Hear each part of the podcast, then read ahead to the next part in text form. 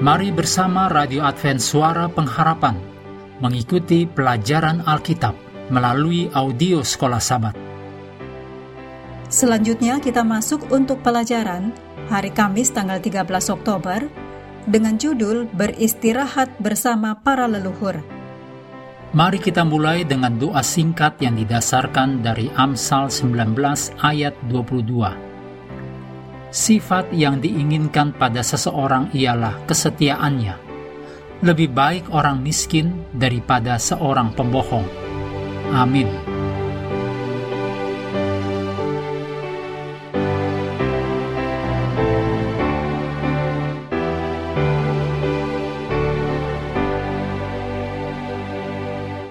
Untuk menambahkan pemahaman tentang kematian, mari baca ayat-ayat berikut terkait judul pelajaran kita. Kejadian 25 ayat 8, lalu ia meninggal. Ia mati pada waktu telah putih rambutnya, tua dan suntuk umur, maka ia dikumpulkan kepada kaum leluhurnya. 2 Samuel 7 ayat 12 Apabila umurmu sudah genap dan engkau telah mendapat perhentian bersama-sama dengan nenek moyangmu, 1 Raja-Raja 2 ayat 10. Kemudian Daud mendapat perhentian bersama-sama nenek moyangnya, dan ia dikuburkan di kota Daud. 1 Raja-Raja 22 ayat 40. Demikianlah Ahab mendapat perhentian bersama-sama dengan nenek moyangnya.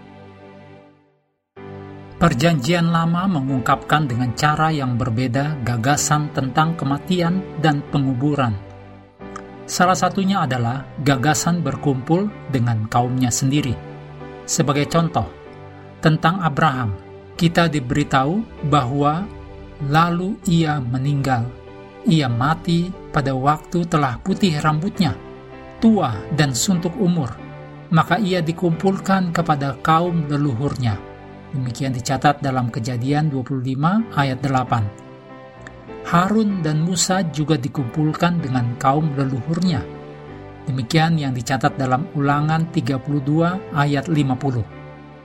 Fakta bahwa baik raja yang baik, yaitu Hiskia dalam 2 Tawarik 32 ayat 33, maupun raja yang jahat yaitu Yoyakim dalam 2 Raja-Raja 24 ayat 6, pergi ke tempat yang sama pada saat kematian, mengajarkan kepada kita tentang sifat alamiah kematian.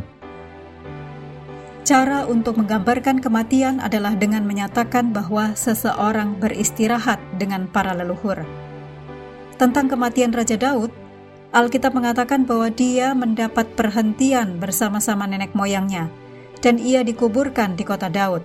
Tadi kita sudah baca dalam 1 Raja-Raja 2 ayat 10.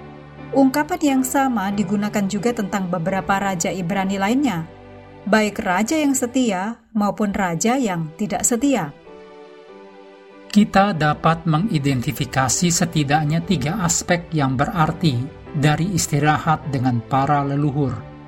Pertama, bahwa cepat atau lambat saatnya akan tiba ketika kita perlu beristirahat dari kerja keras dan penderitaan kita sendiri yang melelahkan Kedua, bahwa kita bukan yang pertama dan satu-satunya yang mengikuti jejak yang tidak diinginkan itu, karena nenek moyang kita sudah mendahului kita.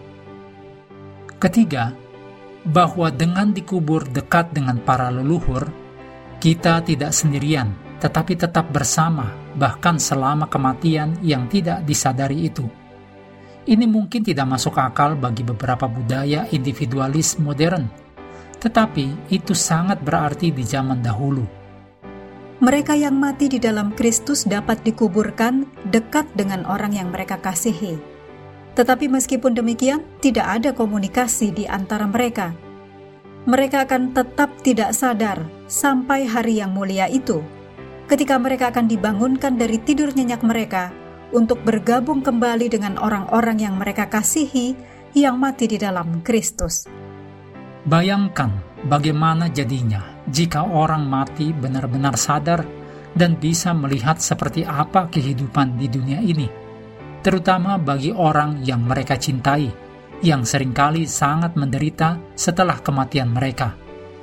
Kebenaran bahwa orang mati itu tidur sangatlah menenangkan bagi orang yang hidup. Mengakhiri pelajaran hari ini, mari kembali kepada ayat hafalan kita, Kejadian 2 ayat 7. Ketika itulah Tuhan Allah membentuk manusia itu dari debu tanah dan menghembuskan napas hidup ke dalam hidungnya. Demikianlah manusia itu menjadi makhluk yang hidup. Hendaklah kita terus tekun mengambil waktu bersekutu dengan Tuhan setiap hari bersama dengan seluruh anggota keluarga Baik melalui renungan harian pelajaran sekolah sahabat juga bacaan Alkitab sedunia, percayalah kepada nabi-nabinya.